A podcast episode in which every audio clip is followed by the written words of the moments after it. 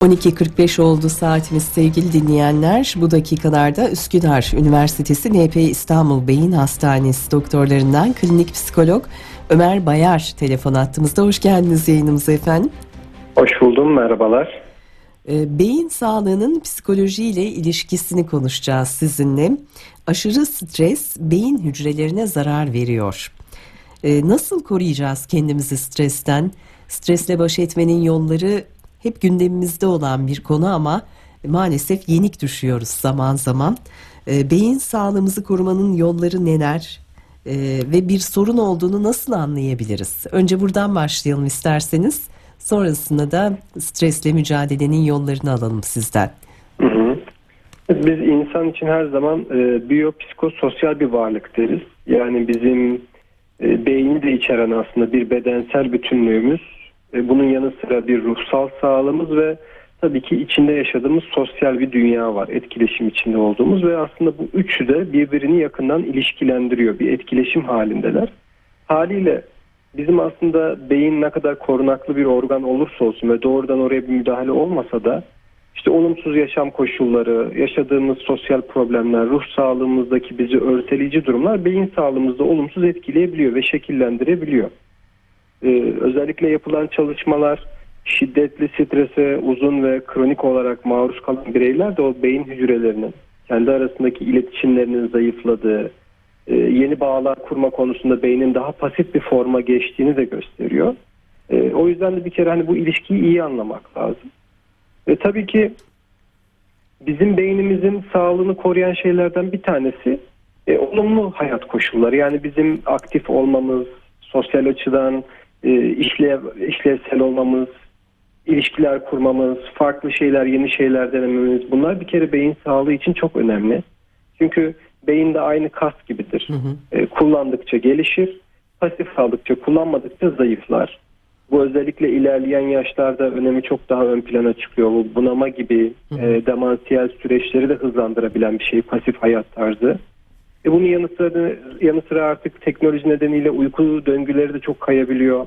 E, düzenli uyumamak, e, daha hareketsiz hayat, sağlıklı beslenmemek. Çünkü beslenmek hem bağırsak sağlığını hem de beyin sağlığını çok ciddi etkiliyor.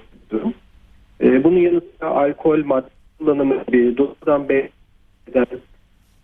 maddelerin sık kullanımı, yoğun kullanımı. E, bunların hepsi bir araya geldiğinde beyin sağlığını ciddi anlamda bozabiliyor. Evet hem yaşantımıza dikkat etmemiz gerekiyor, yaşam koşullarımıza hem de e, stres oluşturabilecek durumlarla mücadelemiz çok önemli. E, stresle mücadele hep dedim ya e, hayatımızın bir yerinde olan e, sürekli önemli konularımızdan bir tanesi. Ama kendi kendimizi nasıl bir donanıma e, kavuşturmalıyız ki e, ufak tefek her türlü sıkıntıdan etkilenmeyelim güçlü bir duruş sergileyelim. Bu beynimizi etkileyen e, depresyondan da uzak kalalım. Şimdi burada tabii öncelikle önemli olan şey bir farkındalığımızın olması. Yani bizde strese yol açan şeyler ne? Hangi konularda daha çabuk strese kapılıyoruz? Hangi durumlar bizim için daha örseleyici oluyor? Bir bunu fark etmek lazım. Bunu anlamak lazım. Bunu anlamak için yapabileceğimiz şeylerden bir tanesi tabii ki yani içe bakmak. Yani kendi yaşantılarımızı bir gözden geçirmemiz, o an bir duygu yaşadığımızda bu duygudan hemen bir an önce kaçmak ve kurtulmak yerine o duyguyu bir anlamaya çalışmamız. Hani bu stres ben hı hı. bende nasıl bir yankı oluşturuyor? Bu, bir buna bakmak lazım ve o stresi bir tanımak lazım, bir anlamak lazım. Yani ilk öncelik bu farkındalık. Hı hı.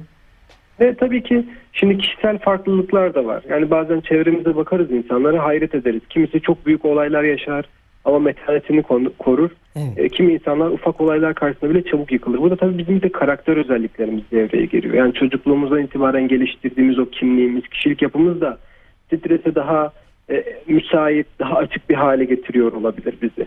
Bir de bunu da anlamak hı hı, lazım. Hı. E, bunun için yapabileceğimiz şeylerden bir tanesi e, tabii ki bizim e, stres yaşadığımız durumları fark ettikçe fark ettikçe orada alternatif düşünceler geliştirebilmek o stresin aslında bir ekstrem e, bir felaket senaryosunu yerine koymak yerine hayatın olağan akışı içinde karşılaşabileceğimiz bir durum olduğunu kabullenmek ve bu tarz durumlarda çözüm odaklı yaklaşmak. Yani orada işte dikkat odağımızı başka bir yana çekmek bize iyi geliyorsa bunu yapmak. işte o anlarda kısa molalar vermek bize iyi geliyorsa kısa molalar vermek, bizi rahatlatan e, nefes egzersizi gibi, e, yürüyüş gibi e, küçük aktivitelerle onu handle edebilir olmak, ele, e, onunla baş edebilir olmak önemli. E, ama tabii ki bir de şunlar var yani hayatımızda bizi çok örseleyen e, ağır yaşam olayları olabilir. Hı hı. Bizde strese yol açan travmatik durumlar olabilir. Çok ciddi kronik ilişkisel çatışmalarımız olabilir. Hani bunlar hı hı. böyle anlık değil de süreyen sorunlar olabilir. E bu tarz durumlarda da bunu çözmek, bu problemleri çözüme ulaştırmak eğer kendi başımıza çözüme ulaştıramıyorsak da bu konuda psikolojik bir destek almak, bir uzman desteği almak önemli. Çünkü bazen bazı olaylarla tek başına mücadele etmemiz zor olabilir ve burada da bir destek almak işi çok kolaylaştırır. Evet. Ee, siz az önce söylediniz ya e, beyni de kullanmak gerekiyor. Çünkü neticede beyinde bir kas. Peki beynimizi nasıl çalıştırabiliriz? Ee, günlük rutin alışkanlıkların biraz dışına çıkmak gerekiyor bu konuda da zannedersem. Ee, okumak gibi çabalar e, tabii ki çok önemli ama bunun haricinde daha farklı neler yapılabilir? Özellikle hayatın ilerleyen aşamalarında yazmak belki e, tabii sizin gibi uzmanların yönlendirmesi daha çok önemli. Siz ne öneriyorsunuz? Şimdi burada yani çok böyle uçuk şeylere de direkt gitmeye gerek yok. Hı hı. Yani burada aslında günlük hayat akışımız içerisinde ufak müdahalelerle bile e, beynimizi canlandırabiliriz.